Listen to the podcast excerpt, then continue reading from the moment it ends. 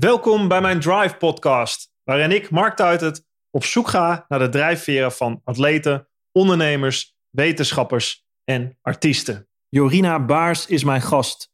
Ze is de beste Muay Thai vechtster ter wereld. Woont in Den Helder, waar ze een eigen sportschool runt. En er zijn maar weinig vrouwen die met haar de ring in durven. Waar ze iedereen sloopt en een ongeslagen status handhaaft. Buiten de ring is ze de rust zelf en spreekt ze over de liefde voor haar sport. Hoe gaat zij om met de tegenslagen en successen in haar leven? Welke tactieken past ze toe? En hoe verhoudt zich de glamour van Las Vegas met het rustige leven in Den Helder? Leer van en luister naar Jorina Baars. Nou, Jorina, leuk dat je hier bent. Ehm, ja, ik ben sportliefhebber.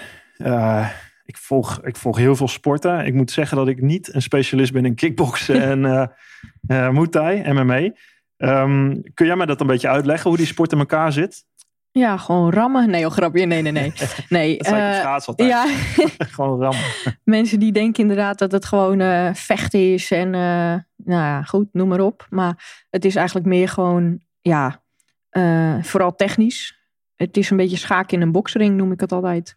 Want jij doet Muay Thai.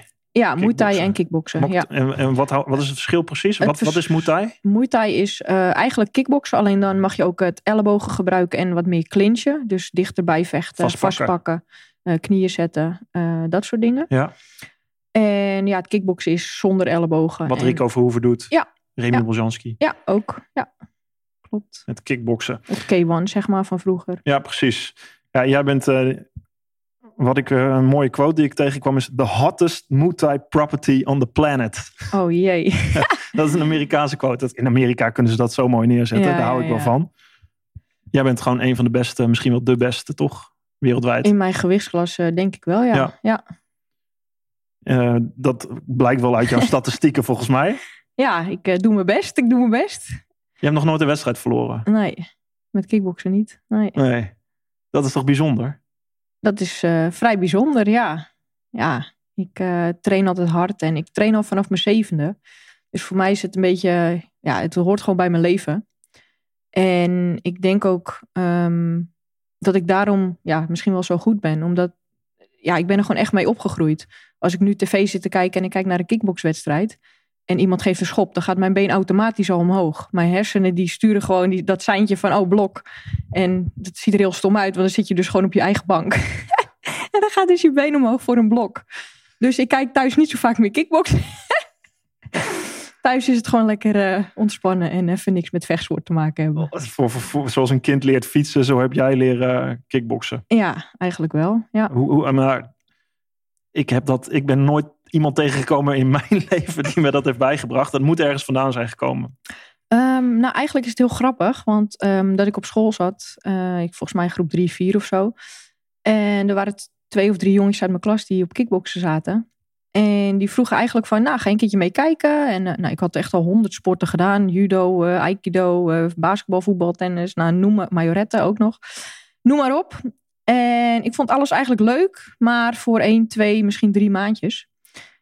En nou, toen ben ik meegegaan. En nou, ik, ik zeg, ik ga meteen meedoen. Ik vond het zo leuk. Dus toen ben ik uh, een keer erop ben ik mee gaan doen. En nou, eigenlijk verslaafd geraakt. Je werd echt direct gegrepen door kickboksen. Ik vond het zo leuk, ja. En wat, kun je uitleggen wat, je daar, wat dat was? Wat, wat je erin greep? Nee, dat, ja, ik denk omdat ik echt al mijn energie erin kwijt kon. En uh, je vocht tegen, toen deed je heel veel op de trapkussens en zo. Dus je deed ook niemand pijn. Maar je mocht wel even lekker schoppen of slaan. En je kon, ik kon echt al mijn energie kwijt is niet zo dat ik nou super druk was of iets. Maar ja, ik, ik denk dat dat mij wel ja, gegrepen heeft. Ja. Zoals eigenlijk, hè, dat zie je met de, de beste. Ter, jij bent de beste ter wereld in jouw vakgebied. Ja, ik ken als ik Max Verstappen opnoem, Sven Kramer, Mathieu van der Poel. Die begonnen ook allemaal vanaf heel jong. Uh, en werden echt verliefd op hun sport. Ja. Jij werd echt verliefd op kickboksen. Ja, klopt. Ja. En hoe uh, is die verliefdheid? Die is altijd gebleven? Die verliefdheid is uh, vrijwel altijd gebleven, ja. Tuurlijk heb je in je sportcarrière wel ups en downs. Um, maar eigenlijk, ja, het, het, het, het, pakt me elke keer weer op. En elke keer als ik dan een keertje bijvoorbeeld een weekje vrij neem of rust neem, dat ik denk van, nou, plol, ik heb echt geen zin. Nou, na een week is dat alweer over, want dan heb ik al, alweer de kriebels om te gaan trainen. En hoe ben je zo goed geworden? Hoe, neem ons even mee in die, in die weg van zeven jaar tot nu. Nou, ik was zeven en toen begon ik dus. Ik vond het, uh, ja, gewoon de technieken, alle, eh, ja, alles leren. Ik ben heel leergierig. En dat was ik dus ook met het kickboksen. Eh, op mijn achtste ging ik naar een andere sportschool. En toen zei ik eigenlijk van, ik wil wedstrijden doen en ik wil kampioen worden. Zei mijn trainer, nou, ga eerst maar even lekker trainen. Omdat je daar ook het meest van leert? Uh, wedstrijden? Nou, nee, ik weet niet. Ik was altijd gedreven. Ik wilde altijd in elke sport die ik deed, wilde ik meteen wedstrijden doen. En dat was dus met kickbox ook. Alleen dat ging iets moeilijker dan ik had gehoopt. Want er waren toen de tijd nog helemaal niet zoveel jeugdkinderen uh, die dat deden. En helemaal geen meisjes. Maar dat zeggen, werd dat wel geaccepteerd? Ik kan me voorstellen dat kinderen van 8, 9 jaar... dat je iemand ja. een klap verkopen, dat is toch... Dat is wel een dingetje, dat klopt. Alleen, uh, nu hebben ze ook de wet uh, of de regelgeving aangepast... dat je pas vanaf 10 jaar uh, de ring in mag. Wel met hoofdbescherming en alles nog. En je mag niet op het hoofd, geen hoofdcontact. Ja. Dat was toen in mijn tijd, vroeger was dat nog Vroeger. niet. Vroeger. Nee, in mijn tijd was dat niet. Um, maar je ging de ring in? Ik ging de ring in dat ik 12 was. Mm -hmm. Dus ik heb wel eerst even flink getraind. Dat was meteen voor de Open Nederlands Kampioenschap van de Jeugd. Hadden mijn trainer me niet verteld, overigens. Uh, dus ik vocht een toernooitje. En ik won allebei mijn wedstrijden. En toen was ik Nederlands kampioen van de jeugd. Dus dat was heel uh, ja, bijzonder. Maar ja, dat smaakte wel naar meer. En uh, toen was ik 14, vocht ik met mijn derde wedstrijdje. Omdat de eerste was een toernooitje. Mm. En ja, ik, ik was gewoon echt verslaafd aan die sport. Ik vond het zo leuk. Had je voorbeelden? Uh, ja, Lucia Rijker. Ja, Ah. Lucia Rijker was mijn voorbeeld. Ja. ja. En wat sprak je daarin aan? Waarom? Haar gedrevenheid en uh, haar, ja, haar techniek. Zij had zo'n mooie techniek. Lange stoten, snoeiharde low kicks. En ja, dat vond ik echt geweldig. Wat is een lange stoot? Een lange, een lange directe stoot. Recht naar voren. Recht naar voren. Recht naar voren. Helemaal strekken. Tussendoor, helemaal strekken. Ja. Hoppa. ja. En daar maakte Lucia heel mooi gebruik van. En ja, ze kapte alles af met die, met die low kicks. Ook echt snoeihard. En uh, ja, daar zag ik mezelf wel staan. Ja. En dat gebeurde? En dat gebeurde, ja. Ik vocht, uh, even kijken, op mijn vijftiende mocht ik al naar de senioren. Normaal gesproken was dat op 16-jarige leeftijd. Uh, ik was echt net één dag 15 en mijn trainer die had uh, te horen gekregen dat er een partij beschikbaar was. Was wel tegen een vrouw van 23. Dus nou, ik was echt bloednerveus. Want ja, je vecht ineens zonder scheenbeschermers. In de jeugd vecht je nog met, met bescherming, hoofdkap, scheenbeschermers. maar ja, die gingen dus af. En, maar goed, het ging best goed en ik vocht onbeslist. Het was uh, gelijkspel. Acht jaar leeftijdsverschil. En uh, ja, ja, dat was wel uh, een dingetje. Maar goed, ik mocht meteen in de, bij de senioren blijven, omdat het gewoon echt goed ging. En ja, eigenlijk die wedstrijd daarna zou ik dus weer een nieuwelingenwedstrijd vechten. Mm. Maar het meisje kwam voor de wedstrijd naar me toe. Ja, we zouden een C-klasse partij, dat is dus één niveau Mm. hoger, vechten en bla bla bla. Nou, ik zeg, joh, regel het met mijn trainers. Ik vind het goed. Nou ja, zo gezegd, zo Zij gedaan. onderschatten jou. Ik denk het, ik weet het niet. Zij was helemaal, ze was echt, kwam echt best wel woest Ja. naar me toe. Zo van, uh, ja, we zouden C-partij draaien. Joh, ik zeg, hé, hey, regel het en ik vind het best. Dus nou, toen hebben we dat gedaan. En uh, nou, dat duurde, ik geloof, 40 seconden. en toen wa was ik klaar. En toen had ik gewoon op uh, technisch knock-out. Dus nou, toen mocht ik in de C-klasse blijven. en wanneer ging je professioneel? Um, even kijken, toen was ik 16. Ja, Jee. toen vocht ik in de A-klasse. En dan, Het is allemaal heel snel gegaan. en, en als je professioneel vecht, uh, help me er even mee. Hoeveel wedstrijden vecht je dan per jaar? Um, ja, dat wisselt een beetje. Ik, uh, op mijn top vocht ik zes, zes, zeven wedstrijden per jaar. Ja. Maar op dit moment vecht ik er twee, misschien drie. Mm -hmm. ja, vier is mooi voor mij. Dat is om de drie maanden een partijtje. Maar uh, ja, het is ook uh, gebrek aan tegenstanders en organisaties die je willen laten vechten. Dat, dat lijkt mij een probleem voor jou als je ongeslagen bent. ja, het is wel een dingetje. Ja, vaak als mensen horen dan van uh, ik vecht tegen Jurina Baas. Oh, ja, ik ben ziek, zwak en misselijk. En dan zeggen ze vaak af. En dat is wel ook frustrerend voor mij. Hmm. Want je traint ergens naartoe.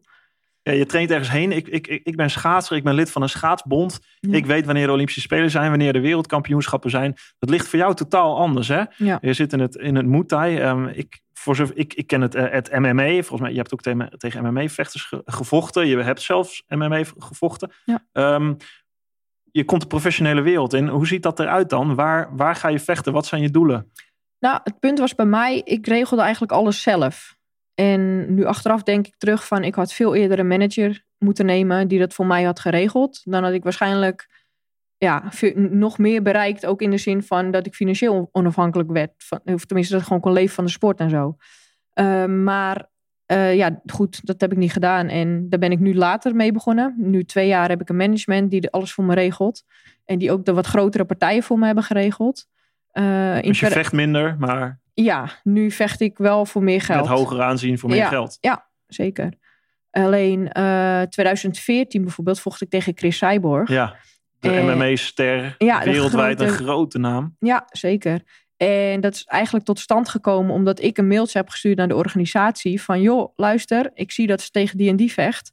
Uh, ik heb van die en die gewonnen. Dus ik zou ook graag een kans willen hebben om tegen Chris te vechten. En ik, ik vind tof dat ze nu uh, gaat doen. Dus ja, goed, laten we doen. Dat had ze al aangekondigd. Ja, ja, ja want ze had toen al een uh, Muay Thai partij gevochten.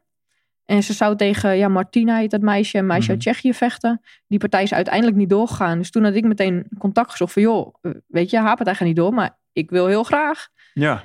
En nou ja, toen is het balletje gaan rollen. En toen hebben we een contractje getekend en uh, ben ik naar Amerika gegaan. En dat heb je allemaal zelf gefixt? Dat heb ik, ja, eigenlijk allemaal zelf gefixt. Hoi, ik ben Jorina Baars. Ja, echt. Dit is mijn record. Hier heb je een highlight filmpje, kijk ernaar. En ja, zullen we knokken. En zij, uh, Chris Cyborg, dat is een hele ik, ja. Braziliaanse. Klopt. Zij is wereld, nou, wereldberoemd in de, in de wereld van MMA wel. Zeker. Ook daarbuiten. Ja. Um, verdient daar heel veel geld mee. Ook dat, ja. Hoeveel? nou, ik, heb geen idee, ik heb geen idee. Maar wat ik toen hoorde was dat zij voor die partij tegen mij uh, 25.000 dollar heb gekregen, heeft gekregen. Maar goed, dus ik weet dat ze nu gewoon uh, tien keer zoveel uh, verdient ze nu. Dus, maar goed. Maar ja, zij heeft de manager, dat wordt opgeblazen binnen, binnen de MMA. Hè. De MMA is een organisatie dat volgens mij heel goed doet. Ja. Uh, een sport groot maken. Jij, eigenlijk ben jij professional, maar, maar ja, zeg ik het goed, Am ook amateur? Op die manier? Als je het zelf dat moet was regelen. ik toen de tijd wel, zeker, ja. ja. En zij accepteert die wedstrijd en, dan, en wat denk je dan? Nou, het was wel grappig, want ik had een trainingsmaatje met me mee. En uh, ook mijn fysiotherapeut. Zij deed ook kickboksen mm -hmm. op hoog niveau en de bardame van achter de sportschool. Die waren met me mee naar Amerika. En zij stond daar gewoon met uh, Tito Ortiz. Nou, dat is ook een hele grote naam in het MMA.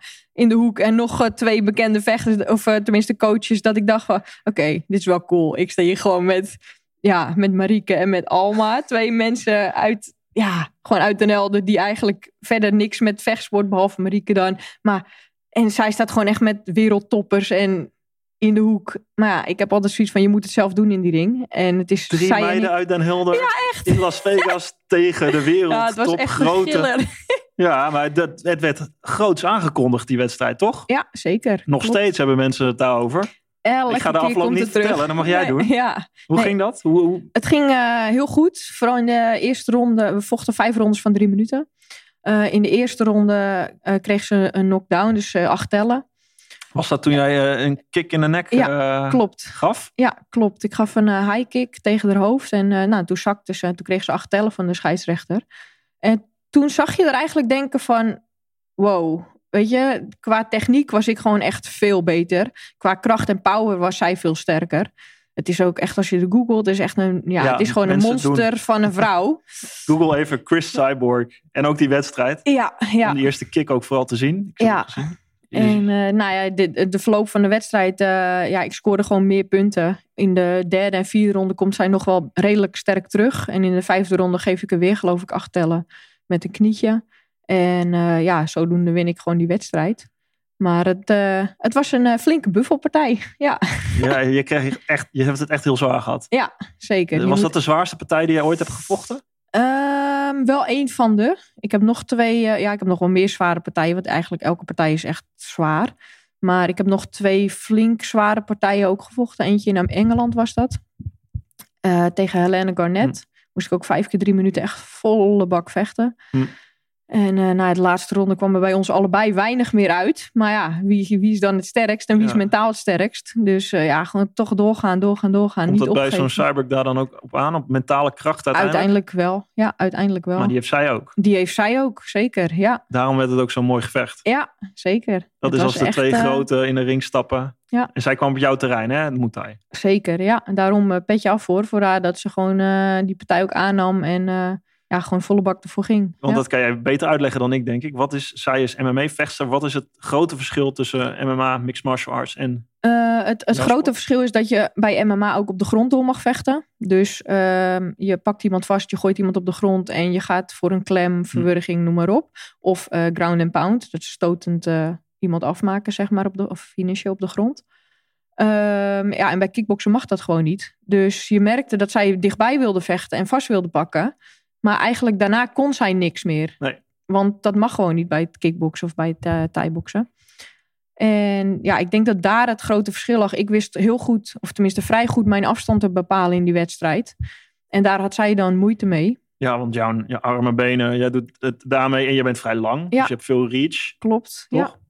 Dus zodoende heb ik die partij ook echt op mijn naam uh, weten te zetten. En je bent, en dat vertelde je eigenlijk al van je jeugd, um, hoor ik van kennis, technisch. Je bent een voorbeeld van een technisch, ja. uh, technische bokser.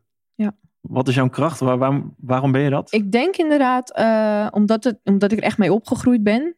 En al vanaf jongs af aan ben ik al vrij lang. Dus ik, ja, mijn trainers hebben mij altijd geleerd om op mijn techniek te vechten en op mijn lengte te vechten.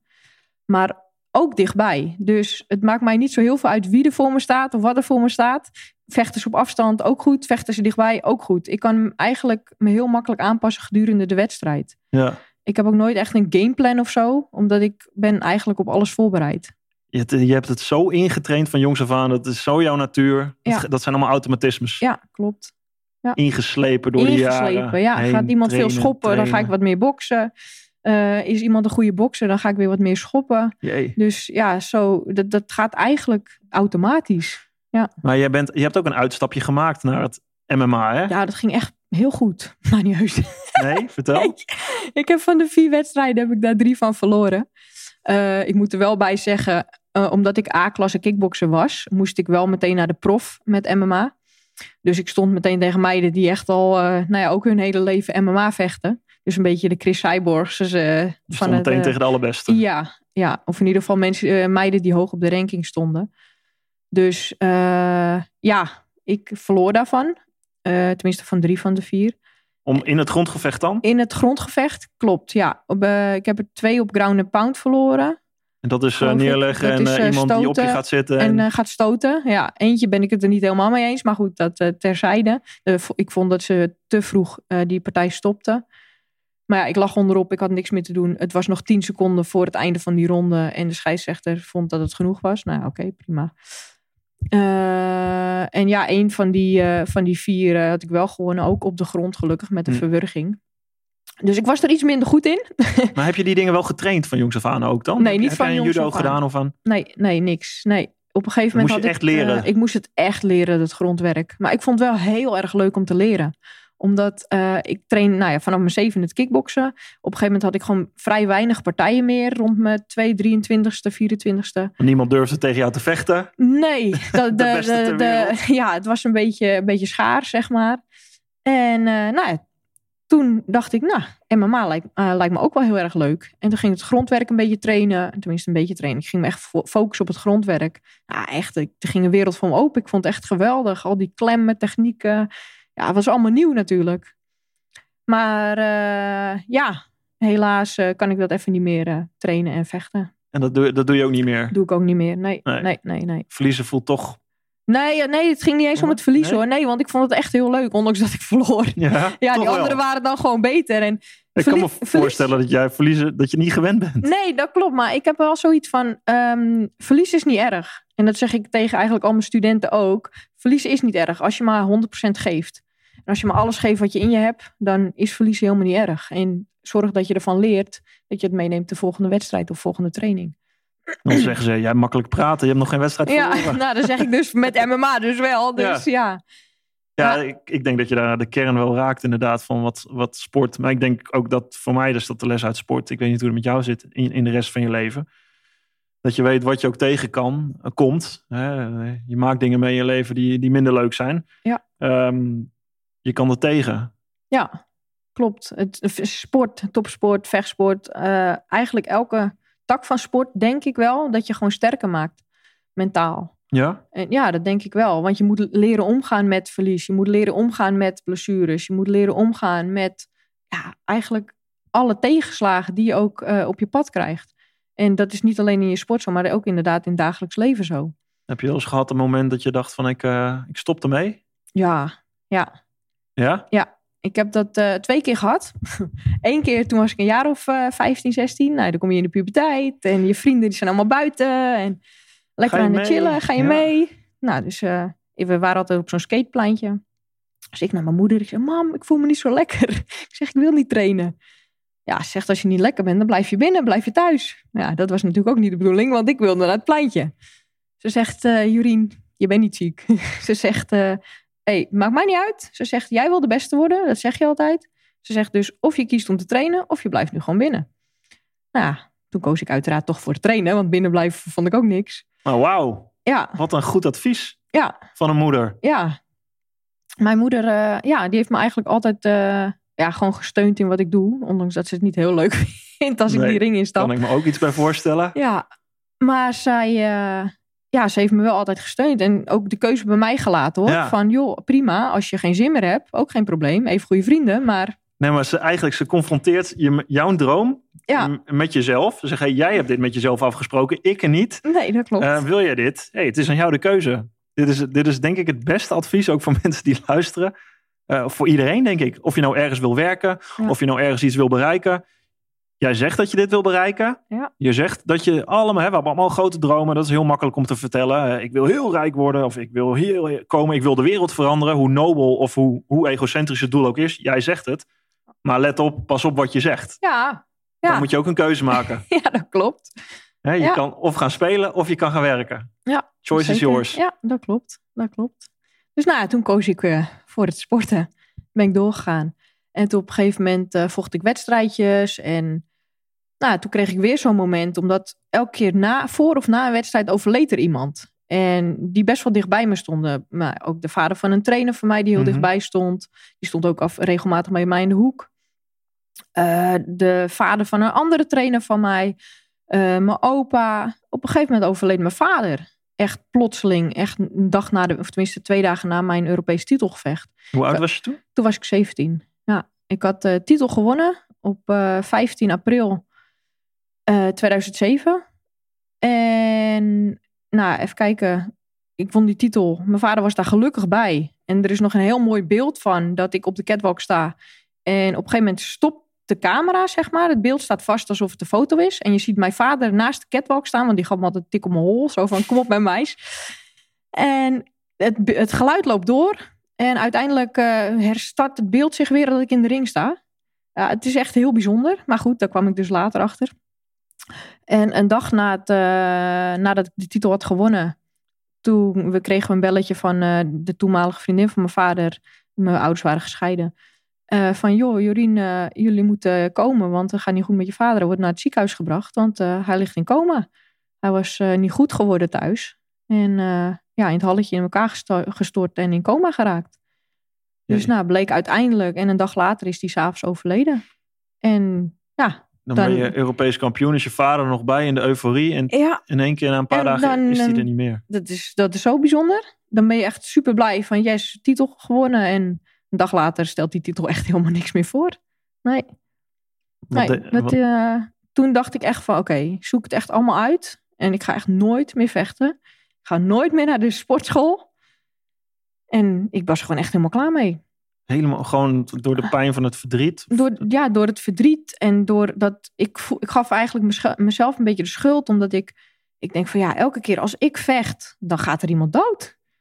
En is eigenlijk achteraf heel stom. Mm -hmm. Want ja, het, maar ja, je bent ook nog 17. Je, je bent staat, 17, ja. maar ja, je denkt, je, je gaat echt twijfelen. Tenminste, ik ging echt twijfelen aan mezelf. Van, ligt dat nou aan mij? Weet je, elke keer als ik die ring instap of voordat ik die ring instap, gaat er, dan overlijdt er iemand. Nou ja, en nu, dat was echt de druppel dat mijn vader gewoon kwam te overlijden. Jee. Nou ja, bleek dat hij dus een bloedpropje had in zijn hersenstam. En dat hij daardoor was overleden. Ja. En toen ging ik ook weer later nadenken van ja, is, zou dit zijn wat mijn vader wil? Want ik ging naar de stad, ik ging uh, borrels halen en ja. uh, noem maar op. En toen dacht ik, nee, hij zou echt wel willen dat ik doorga met vechten. En doorgaan... Maar je ging borrels halen naar de stad om, om te ontladen. Om, uh, je was ja, klaar met vechten. Je dacht, weet je wat, bekijk het allemaal even. Ik, ja. ik drink het wel weg of ik, ik weet gewoon even niet wat ik aan moet. Ja, ik wilde gewoon een soort vluchtgedrag, denk ik, of zo. Ik, Ja. eh, ik ging naar de stad, ik ging daar ook, eh, ja, feesten. In hoeverre je nog kan Ja. feesten een week na het overlijden van je vader. Maar zelfs eh, die portiers, die ken ik dan. En die zeiden ook van, joh, wat doe jij hier? En toen zei ik ook van, joh, ik wil gewoon even, oh, even niks. Even gewoon mijn kop leegmaken of zo. Ja, ik, ja, ik, ik, ik begrijp het. Ik, ik heb mijn moeder verloren. vijf, zes jaar geleden. En toen, zat ik al verder in mijn carrière. En ik had het moment ook hoor, een week na die tijd. Ik was er ook even helemaal klaar mee. Ik, ik dacht ook, ik snap dat mensen aan de drank raken of, of drugs gaan gebruiken. Ja. Eh, terwijl ik altijd fysiek bezig ben, sport. En de noor- ik- omdat je gewoon even eh, niet meer weet waar, waar je het moet zoeken. Dat je Ja, dat, dat, dat gevoel even. Eén, twee, dat je dat begrijpt, dat je niet weet. Ja. Dat is best wel. Heel, daar ben je helemaal niet gewend. Nee, nee, dat klopt. En wat ik dus wel grappig vind, is omdat jij dat ook zo vertelt.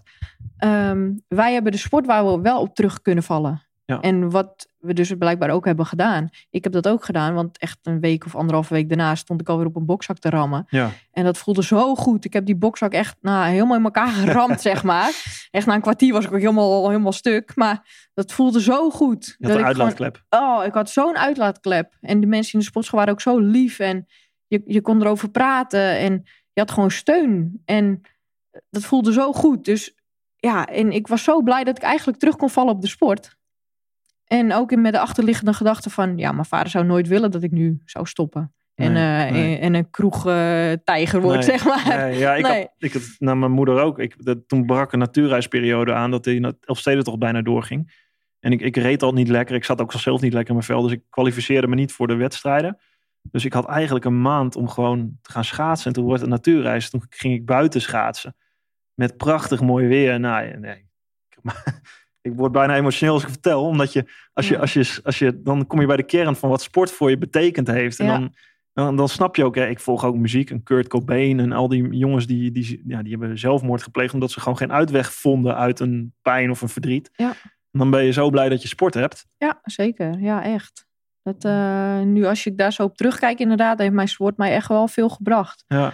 En ook eh, echt wel geholpen. Ja. Ja, zeker. Dat is ook een mooi ver- verhaal om te vertellen, denk ik, voor, eh, voor mensen die, die de, de kracht van sport niet kennen, maar met allerlei zaken worstelen in hun leven. Het kan een prachtige uitlaatklep zijn, denk Ja. ik. Zeker weten. Ja. Wat betekende jouw vader in jouw carrière? Nou, die was eigenlijk elke wedstrijd bij mij. En wat ik vertelde, hij stond eigenlijk altijd naast de catwalk. Of in ieder geval in de buurt. Dat hij me nog even een tikje kon geven. Zo van eh, het gelukstikje noemde ik het altijd. Ja. En eh, ja, die betekende echt wel veel voor me. En kon hij er een keertje niet bij zijn. Dan zorgde hij altijd dat hij een dag later terug kon kijken op video. Echt, hij volgde je helemaal. Hij volgde me helemaal, ja. Gaf hij dan ook advies of was het echt gewoon de vader Nee, op de dat niet. achtergrond Gewoon de vader op de achtergrond. En, die er eh, altijd voor je is in principe? Ja, en wat ook heel erg leuk was, is dat hij, eh, dat hij dus over... Nou, dat is niet leuk, maar dat hij overleden was. Gingen we dus zijn huis leeghalen. Ja. En dan vond ik ook allemaal krantenknipsels van mij. En ja, dat, dat is ook gewoon heel bijzonder. Ook waarvan ik niet eens het bestaan al wist. En Wist, hij je, wist had je ook het. niet dat, Nee, man, dat nee. ze verzamelde? Nee, dat wist ik ook niet. Maar ik wist ook van bepaalde stukken of uit een bepaalde blaadje stond ik blijkbaar ook in. En dat wist ik ook helemaal niet. Dus dat was ook wel heel leuk. En hij had het dan. Je vader was ook gewoon je grootste fan. misschien. Ja, echt. Misschien wel. Ja, zeker. Woon je eigenlijk bij je, woon je, bij je moeder Ik en je vader? bij, ja, ik woonde bij mijn moeder. Eh, Dat was ook een leuk verhaal. Ik zou eh, twee weken bij mijn moeder, twee weken bij mijn Ja. vader. Dus mijn vader die had eh, een hele kamer roos behangen en alles, want dat Ah. wilde ik. Ah, Maar ja, ik was, zo, ik was altijd bezig met sport en te doen. En ik was altijd, eigenlijk altijd weg. En ja, ik vond toch... Mijn, bij mijn moeder thuis was gewoon mijn thuis. Ja. Dat, dat huis was mijn thuis. En dus eigenlijk, ja, ik ging s'avonds wel vaak naar mijn vader toe. En toen had je nog Robert Jens op tv en zo. En dat gingen we dan altijd samen kijken. Maar toch hij ging ik dan weer naar mijn moeder terug om daar te slapen. Omdat het Mm. gewoon, ja, Veilig vertrouw- voelde, veilig vertrouwd. vertrouwd. Ja. Lekker je eigen bedje. Dus ja, mijn vader had een heel kamertje, helemaal roze. Die zat met die kamer. Oh, die had helemaal zijn best gedaan. Ja, sorry. Oh. Ik heb hem misschien, eh, ja, in de weekenden sliep ik daar wel eens. Maar ja. het was niet zo dat ik daar echt eh, de hele week was of zo. En, wat, en toen jouw vader er niet meer was, en je, je ging toch weer vechten. Ja. Hoe, eh, hoe, heb, hoe moest, je, moest je opnieuw opklauteren? Of, Eh, ja, de eerste keer, ik weet nog wel, de eerste keer dat ik eh, toen weer op de catwalk stond, of in ieder geval bezig was in voorbereiding naar die wedstrijd toe, ging ik ook vaak naar het kerkhof. En ik, ik, ja, ik dacht daar wel heel veel aan. Ik, eh, ik dacht wel elke keer van, oh ja, hij zal die naar me kijken zo vanuit de hemel, weet je wel. Ik ben niet heel erg bijgelovig, maar dat geloof ik dan wel weer. Dat hij dat die gewoon weer bij staat, zeg maar. En uh, nou, daar haalde ik wel heel veel steun uit. Dus je hebt echt het positieve eruit meegenomen. Ja, ja zeker. Ik, ik, uh, ik, probeer eigenlijk uit alles, uit het hele leven, alles positief te bekijken. Soms lukt dat natuurlijk ook niet. maar ja, dan denk ik ook van waarom moest mijn vader overlijden, weet je wel. Maar aan de andere kant, ja, oké, het is gebeurd. Ik, ja, je hebt er geen grip op, je kan het niet veranderen. Dus nee, je kan bij de... waar je eigenlijk niks mee kan. Hè? Nee, ik kan bij de pakken neer gaan zitten en uh, inderdaad mijn klems uit bij elk weekend. Maar goed, wat schiet ik ermee op? Helemaal niks. Ik kan treurig gaan zijn en ik kan gaan zitten mokken en uh, depressief gaan zitten iemand, zijn. Iemand van de mat aftikken. Ik kan beter gewoon lekker mijn eigen ding blijven doen en uh, proberen gewoon het beste eruit te halen en van elk moment te genieten. Ja. Mis je hem nog wel eens? Ja, tuurlijk. Ja, zeker. Wanneer het meest? ja, dat verschilt soms lig ik op mijn bed en dan uh, voor ik in slaap val, dan denk ik nog even, oh, zou die trots zijn? En dan denk ik, ja, natuurlijk zou die trots zijn. Ja. Of uh, met, met bepaalde speciale dingen. Ik heb anderhalf jaar geleden de sportschool overgenomen. Nou, met dat soort dingetjes, Ja. dat die daar dan niet bij kan zijn. Of nou ja, dat ik 18 werd, mijn rijbewijs van mijn auto, mijn rijbewijs van mijn motor. Uh, dat soort dingetjes allemaal. Dat, uh, ja, en Ja. natuurlijk, uh, tussendoor denk je er ook nog wel aan. Ja, Ja, natuurlijk, uiteraard. Ja. hey, maar als je uh, je leven opbouwt naast het vechten, je hebt er altijd bij moeten werken. Hè? Je zegt je hebt nu een sportschool. Ja. Um, je, je, bent, je kan, kan je leven van je sport alleen? Ik kan nu wel leven van mijn sport alleen, ja. Nu je het uh, professioneler aanpakt. Als ik minimaal drie, vier partijen per jaar vecht, dan moet het, uh, ja, dan lukt het zeker. Maar je ja. hebt wel een sportschool. De, dat kwam zomaar op mijn pad eigenlijk. De oude eigenaar die, uh, nee, die goed, de sportschool draaide allemaal op vrijwilligers. We hadden geen, het draaide ja, steeds kiet, klein beetje winst, klein beetje verlies. Hmm. De oude eigenaar die had ook gewoon zijn banen naast. En het werd hem eigenlijk allemaal even te veel. Dus nou, toen zocht hij iemand die het over wilde nemen. En aangezien ik er toch elke dag was en eigenlijk al reilde en alles wist wat reilde en zeilde in die sportschool. Ik Hmm. stond af en toe achter de balie. Dus ja, het, ja, ik, ik, ik, ja, ik wist, voor mij was het heel makkelijk om het over te nemen. En toen zei hij van, nou goed, uh, weet je, ik, ik wil ik, eigenlijk dat jij het overneemt. En uh, zou je erover na willen denken? Dus dan heb ik er uh, drie, vier maanden over nagedacht. Want het, ja, het is natuurlijk best wel een stap. Ja, En uh, toen heb ik het overgekocht voor 1 euro. voor 1 euro. ja, En het draait op vrijwilligers het voornamelijk. draait op vrijwilligers, ja. ja.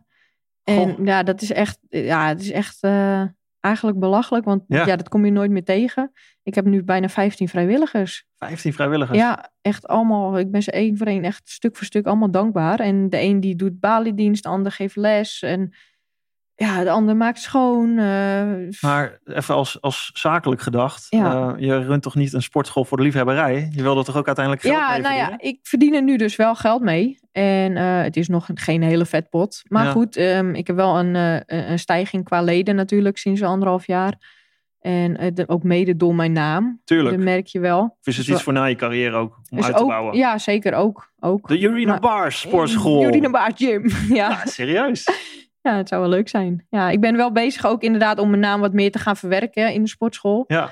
Uh, maar goed, stapje voor stapje. En uh, ja, zeker uh, voor de toekomst. Want ik, ik, ik, las ook dat jij in Paradiso werkt. Ja, ook af en toe. Ja. Als beveiligster. Ja. Dat is ook... Klopt. Ik, ik lees dat dan. Dan denk ik... Ja, wij kijken er ik, ik kijk er dan naar. Een groot, ik heb mega veel respect voor jou. Je bent hoe je vertelt over je sportcarrière, wat je hebt bereikt. Ja. Uh, dan heb je een sportschool die je runt met vrijwilligers. Daarnaast werk je bij Paradiso. Ja. Dat, ja. dat ja, is voorheen, totaal. uh, dat, dat komt over als een heel erg groot contrast. Ja, ja, dat snap ik. Ja, nu werk ik bij Paradiso. Uh, dat is voor een bedrijf uit Den Bosch, voor PPS Security. Die, uh, ja, die, die huren mij, zeg, of tenminste, die huren dan uh, mensen in voor Paradiso. En ja, ik doe het nu gewoon echt alleen omdat ik het leuk vind. Ik werk ook niet heel veel meer, moet ik zeggen. Maar uh, wat is er leuk aan in de beveiliging? Ja, het is gewoon echt heel leuk. In Paradiso is gewoon superleuk. Sowieso, Kijk, Paradiso vind ik ja, geweldig. sowieso voor die concerten, maar ook omdat, weet je, je hebt zo'n leuke groep collega's. En uh, het is niet alleen maar puur werk. Tuurlijk, je maakt ook een praatje met die mensen, maar je maakt een praatje met je collega's. Het, ja, het is gewoon een leuke, hele leuke groep. Is het ook een beetje een soort uit, uittochtje uit, uit het ik, ik, kan me voorstellen dat sport, individuele sport, ook heel alleen kan zijn af en toe. Uh, ja, zeker. Ja, is het ook. En ik probeer ook daarmee, daarom werk ik nu ook wat minder in beveiliging. Ook omdat het voornamelijk nachtdiensten zijn, avonddiensten. Dus Hmm. je bent laat thuis. Het is voor mij een, uh, sowieso een uur rijden, uur en een kwartier. Dus ja, het was voor mij best wel een opgave elke keer. Je rijdt een uur en een kwartier naar Paradiso om daar tot diep in de nacht te werken. Een uur en een kwartier weer terug, Terug. in de beveiliging. Ja, ja. Als professioneel atleet, als sporter. Zijn er mensen in Paradiso die je wel eens herkennen eigenlijk? ja, dat is echt te grappig. Vaak willen ze, niet, eh, eh, willen ze het niet aan mij zelf vragen. Dus dan gaan ze bij collega's gaan ze een beetje lobbyen van... ehm, dat is toch Jurina? En eh, denk je dat ik op de foto mag? Ja. Zo, ja. En eh, nou ja, goed, dan vragen die collega's... Ja, natuurlijk, vind ik alleen maar leuk. Grappig. Maar eh, dat is wel echt heel leuk, ja. Is dat iets, weet je, eh, ja, als je, weet je, je hebt, je hebt de grote atleten in, in de sportwereld natuurlijk. In Amerika zijn ze daar heel goed in. Een, een held vereren, op een podium zetten. ja. Heel commercieel circus eh, eromheen optuigen. Eh, bij jou is het bijna tegenovergestelde. Net als je zegt, hè, we komen Ja. met drie meiden uit Den Helder naar Las Vegas om te vechten. In een sportschool met vrijwilligers runnen. In, in Den Helder. s S'nachts naar Paradiso gaan om nog, om nog te werken.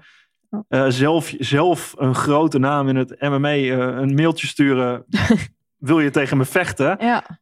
Het is bijna, weet je, het is, als, je als het verhaal zo van buiten zou horen, dan, dan, dan ma- maak je jezelf eigenlijk heel klein bijna. Terwijl Ja. je heel groot ja. bent in prestaties. Eh, is, dat, dat, dat is, het is bijna aan de ene Het kant Las dubbel. Vegas Ja, en aan de andere klopt. kant Den Helder inderdaad. Ja, ja, dat klopt. Dat klopt. En eigenlijk, ja, dat heb ik eigenlijk zelf veroorzaakt. Ja. En, maar ook omdat ik gewoon, nou ja, echt tot twee jaar terug gewoon geen manager had of iets. En ik eigenlijk altijd alles zelf regelde. En dat kan je bijna niet alleen zelf doen. En nu, nee, nu werkt het met zulke contracten en alles. En dat, ja, dat moet je gewoon wel, eh, je moet wel een management achter je hebben. Ik wou net zeggen, want jij moet toch, je hebt een verhaal te vertellen. Je Ja. hebt een leven, eh, je- lessen die je kan delen.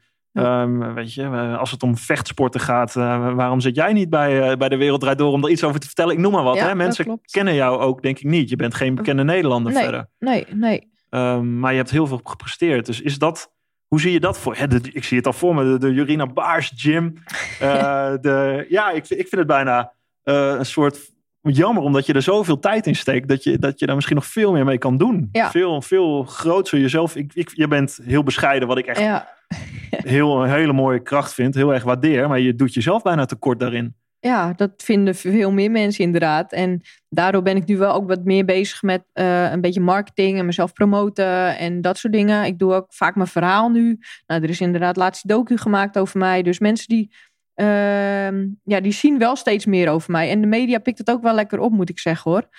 Eh, ze willen ook steeds meer en eh, kleine dingen, interviews, maar ook eh, wat grotere dingen qua een lesgeven met bekende Nederlanders, dat soort dingen word ik voor gevraagd.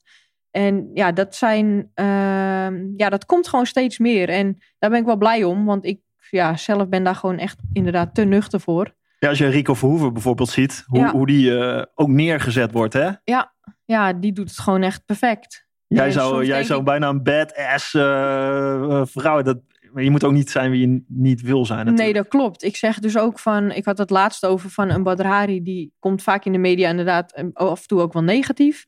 Ehm, heeft hij weer een keer een partij, dan wordt het ook super gehyped door de media. Want hij is gewoon ondertussen een bekende Nederlander. Hetzelfde als Rico Verhoeven. Hm. Eh, Rico komt gewoon heel positief in de, in, in, in de spotlights, eh, gelukkig. En die geeft een hele keerzijde aan de vechtsport. Omdat je gewoon nu ziet van, kijk, het zijn echt niet allemaal criminelen. Ik ook niet. Nou ja, de meeste topsporters allemaal niet. De Nee. meeste vechtsporters niet. Er zijn een paar rotte appels. En dat is gewoon jammer dat die het verpesten voor de rest. Ehm, nou ja, ik heb een goed verhaal. Rico heeft gewoon een goed verhaal. En we blijven gewoon onszelf. En dat zei ik laatst ook. Van, moet ik mensen gaan uitschelden en eh trash talken en dat soort dingen. Maar dat zit echt niet in het aard van het beestje. En dat zou ik ook nooit doen. En tuurlijk zeg ik wel eens dingen van... eh, ik ga gewoon al mijn wedstrijden winnen en dat soort dingen. En, maar daar sta ik ook echt achter als ik dat zeg. Maar als ik zeg van, eh, ik sla je kop eraf en eh, weet ik veel allemaal van dat soort gekheid. Ja, ik ben daar gewoon niet van. Ik Nee, ben ja, daar ik te ben- nuchter voor, denk. Ja, je, je, je, je, bent, je hebt nuchter zelfvertrouwen, zou ik bijna willen zeggen, inderdaad. Ja. Jij zegt, ja, ik- kom maar. Ja, precies, ja. Dat is zo. En Kom maar gaan, op. Je zegt niet van, ja, kom maar op, zal ik je even slopen en je nee, het. nee, nou, dat- beuken dat, bij- denk, dat denk ik vaak Dat wel. denk je wel, hè? maar inderdaad, Maar dat zeg je niet. Dat zeg ik niet. Nee, nee. Waarom Of niet? ze moeten het er echt uittrekken. Maar eh, ja, ik weet het niet. Ik, ik, zo ben ik gewoon niet. Ik Of weet is dat een stukje wat echt diep verborgen zit, wat, eh, wat er alleen wat er in de uitkomt in, ring wedstrijden? uitkomt. Ja, ja, dat komt er in de ring, komt het eruit. Ja, En dan zien we dingen. En dan eh, zie je dingen gebeuren. Dan sloop ik me tegenstanders. Sloop ik tegen. Ja, dat wil het publiek een beetje wel horen, Ja. toch? Hè? Ja, dat is toch ook wel de, de entertainment factor die eraan hangt. Ja. Maar dan denk ik altijd, moet ik mij anders opstellen dan wie ik ben? En nou, dan denk ik, hoeft niet. Heb je vriendschappen in de sport? Eh, qua? Ja, ik, eh, heb je, ik kan me voorstellen dat je tegenstanders sloopt. Dat als, het, als het hele goede vrienden zijn, dat je bewust geen vrienden wil hebben in je sport. Omdat Ja, dat je wedstrijden beïnvloedt. Dat je Nou, denkt van nou, ik wil, laten we maar geen vriendjes worden. Ja. Want eh, ik, ik wil je kunnen slopen. Niet daarbij naar hoeven te Ja, denken. precies. Nou, ik heb wel een mooi verhaal erover. Een vriendin van mij, eh Hatis Oshoert, daar heb ik, nou, wat was ik, 16 of zo, heb ik daar tegen gevochten. Eh, na die wedstrijd zaten we op MSN met elkaar. Toen had je nog MSN. MSN. Ja, ja, ja. en ehm, haar moeder kwam heel slecht te liggen, want die eh, was heel erg ziek. Die had kanker. Nou, dat ik 17 was, overleed mijn vader. Dus nou, we hadden heel veel steun aan elkaar via MSN. Ehm, uiteindelijk ben ik een keer naar haar toe gegaan. En toen hebben we gewoon ook zo'n leuk gesprek gehad. Te zitten praten. En we zijn echt vriendinnen geworden. Ja, totdat we te horen kregen dat we weer tegen elkaar moesten vechten. En dat vond ik echt wel een dingetje. En zij vond het ook echt wel een dingetje. Dus toen hebben we op MSN met elkaar besproken van... joh, gaan we het doen, gaan we het niet doen? Nou, toen hebben we allebei besloten van... oké, we gaan het doen. En in de ring is het gewoon even no mercy en eh, knallen. En daarna laten we afspreken. Wat er ook gebeurt, zijn we weer gewoon even goede vrienden. En nou, zo gezegd, zo gedaan. Ja, toen eh, hebben we dus de, zijn we de strijd weer aangegaan. En eh, ja, helaas brak ik ook nog haar neus. Ja, echt. Ik, ze is een stuk kleiner dan mij. En ja, ze draaide weg of zo. En ik zet die knie omhoog en ik voel gewoon knak. En toen dacht ik, nee, waarom? Echt, waarom? Oh, dat dacht je wel. Je Ja, dacht ik niet dacht van, echt, eh, ha, nou heb ik je. Nee, ik voelde me echt gewoon meteen schuldig ook. Maar dat heb je alleen met haar. Met, eh, ja, en ik was ook echt helemaal niet blij met dat ik won of zo. Nee. Ik was natuurlijk was ik wel blij dat ik had gewonnen, maar ja, aan de andere kant voelt het ook niet goed, omdat je vriendin ja, de neus kapot is, zeg maar. Maar goed, Grappig. daarna toch weer eh, gelukkig nog steeds vriendinnen. Ja. En we weten gewoon dat we voor elkaar klaarstaan. En, eh, Hm. Ja, Hey, ik heb, eh, vechten is ook wel echt een mentaal ding. Natuurlijk, alle topsport is mentaal. En als ik jou, jij bent vrij rustig, timide eromheen. Waar haal je, als, je, als jij denkt, ik ga iemand slopen echt in de ring, gaat er daar een knop om? Hoe, hoe kom je daar mentaal, zeg maar? Moet je daar een knop voor omzetten? Is, dat, is, dat, is dat van nature? ja, ik moet er eh, wel echt een knop voor omzetten. En eh, dat doe ik samen met mijn trainers. Mijn trainers die begeleiden me ook echt al vanaf het begin. Dus die weten precies hoe ik in elkaar steek, wanneer ik me goed voel, slecht voel, eh, hoe ik me voel. Ehm, voor een wedstrijd moeten ze mij echt letterlijk wakker slaan. En dan krijg ik ook echt wel tikken op mijn borstkas, op mijn rug. soms gewoon een vlakke hand in mijn gezicht. Oh, echt? Ja, echt. Want anders sta ik echt als een zoutzak in die ring. Ja, en dat zie je ook in die docu. Zie dat een Ja. klein beetje eh, hebben ze dat eh, belicht. Maar waarom dan? Ben je anders gewoon niet agressief genoeg? Nee, want nee, dan sta ik gewoon echt als een dode in die ring. ja, het is echt vreselijk. Ik moet, ik moet echt wakker geschud worden wat dat betreft. Je hebt echt een Jorina eigenlijk buiten de ring en Ja. in de ring. Dat zijn echt twee verschillende personen. Totaal verschillende personen. Ja, echt. Ik ben eh, ook echt nog achter de catwalk en dan zit ik nog geintjes te maken en te dollen. En wanneer iedereen echt bloednerveus is en helemaal gefocust. Nou, dan zit ik gewoon nog te kutten en eh, allemaal rare dingen te doen en zo. Jee. Dat lijkt me aan de ene kant ook heerlijk. Ik ging, ik, ik moest, ik, ik, bij mij kwam het vanzelf, maar Ja, je kan jezelf ook helemaal gek maken voor een wedstrijd. Fysiek, fysiek mentaal bedoel ik. Ja. Voordat je, hè, de, de spanning kan zo groot worden. Ja. Dus daar heb jij, de grote spanning heb je ook niet veel last van dan. Nee, vroeger wel hoor, dat ik echt begon en toen was ik Mm. echt bloednerveus. Maar nu, ik weet wat er gaat komen, ik weet wat er gaat gebeuren in die ring. Je weet al wat de uitslag is. Ik weet wat de uitslag is. Ja, ik, ik, ik stap ook nooit in de ring met twijfel of zo. Of met van, ja, ik hoop dat ik ga winnen. Nee, ik ga gewoon winnen. En is die andere keertje beter? Ja, dan is het zo. Maar ik heb in ieder geval alles gegeven wat ik in me heb.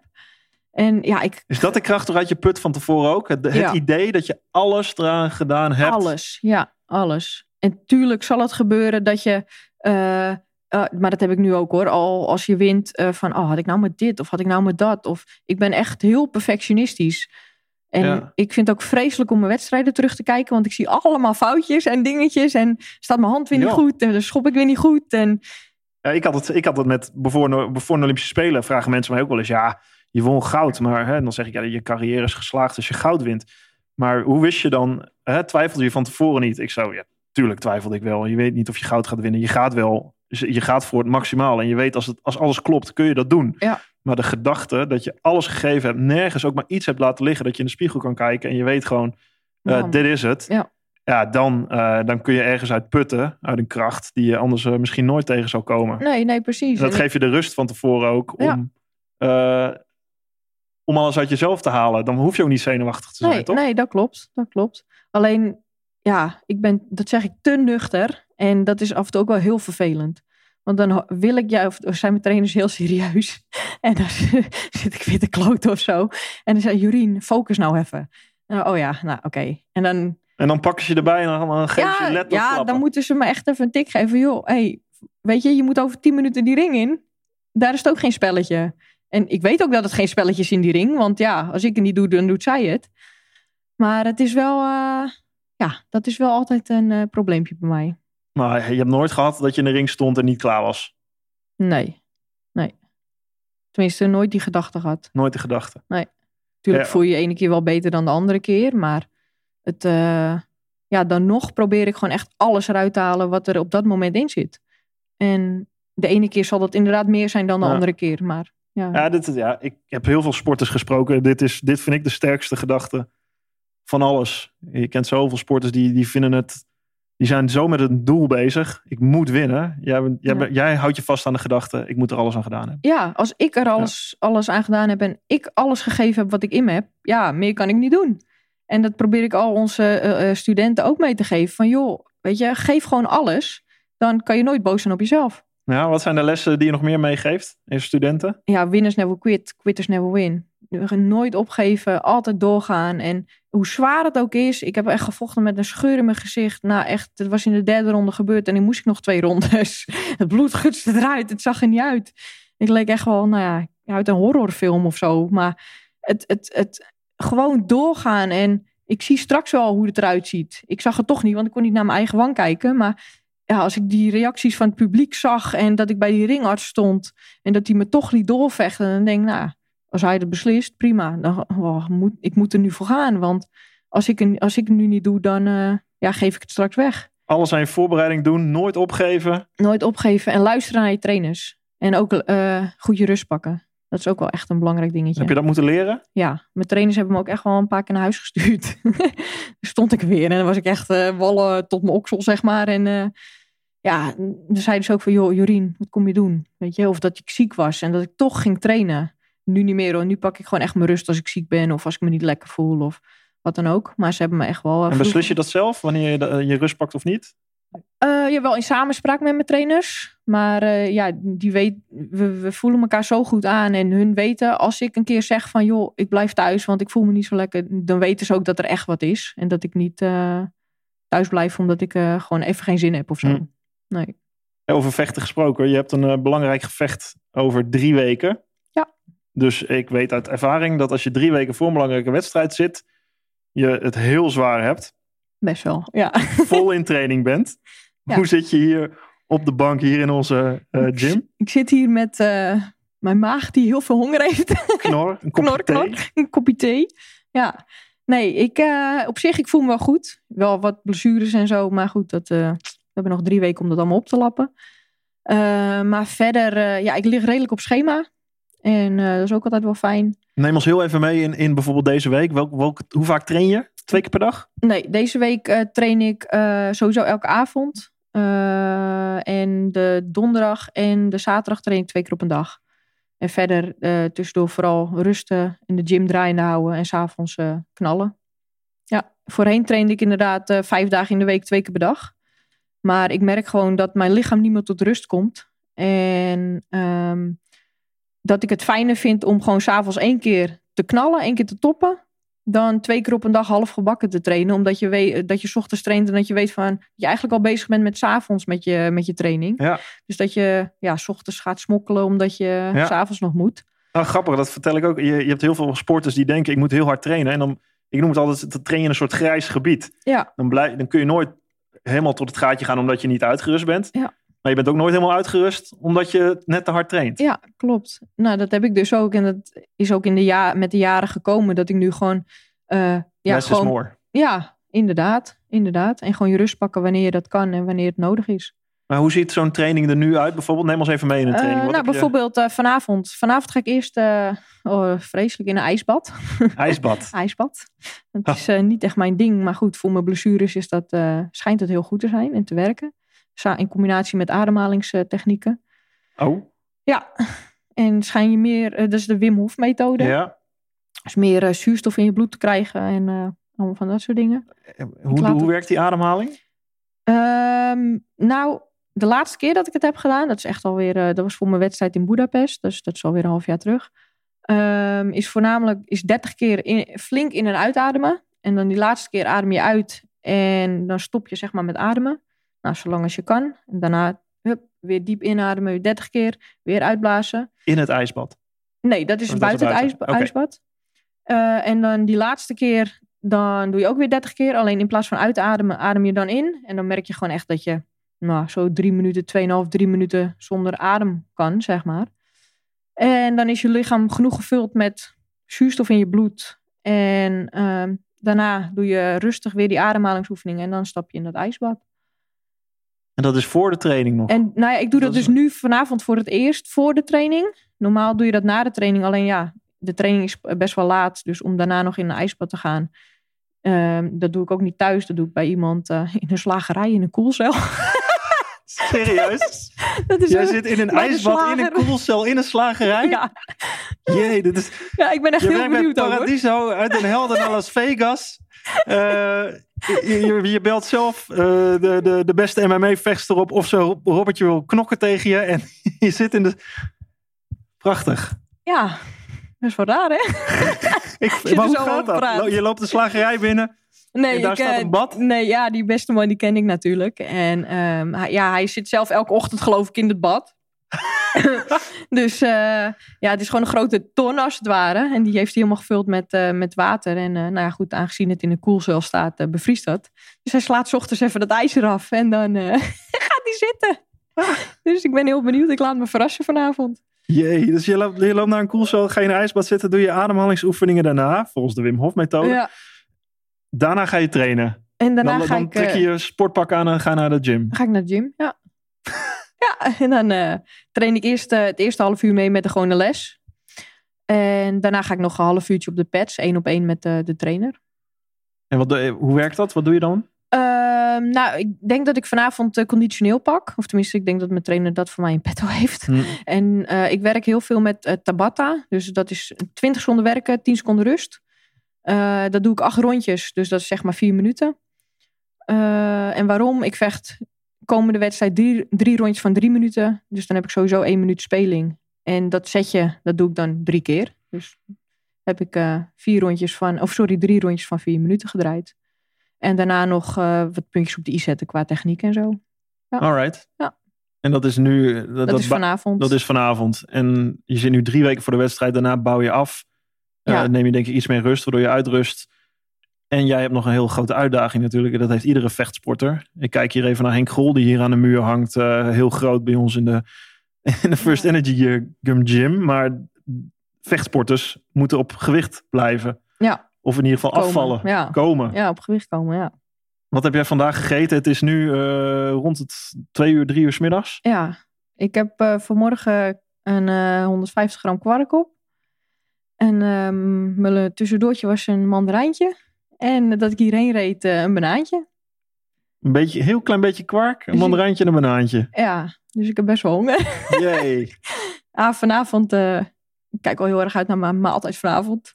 Heb ik 100 gram vlees en 100 gram rijst. En eh En dat meet je 200 gram af. groente. Ja, Jee. ja. En Ja, echt verder water drinken. leuk hoor, topsport. Ja, Ja, leuk. eh, dat is fantastisch. geniet ervan. Hoe lang ga je nog doen? Weet ik niet. Dat, eh, is een, ja, ik zei altijd tot mijn dertigste, maar ik word eh, volgende maand 30. Dus ik ga sowieso nog wel langer door dan 30. Maar eh, ik weet het niet. Even kijken hoe lang mijn lichaam me toelaat. En ik heb geen zin om op mijn 40ste achter een rollator te lopen of zo. Nee. Dus even kijken qua blessures en hoe snel het overgaat. En ehm, of dingen niet te lang blijven hangen, zeg maar.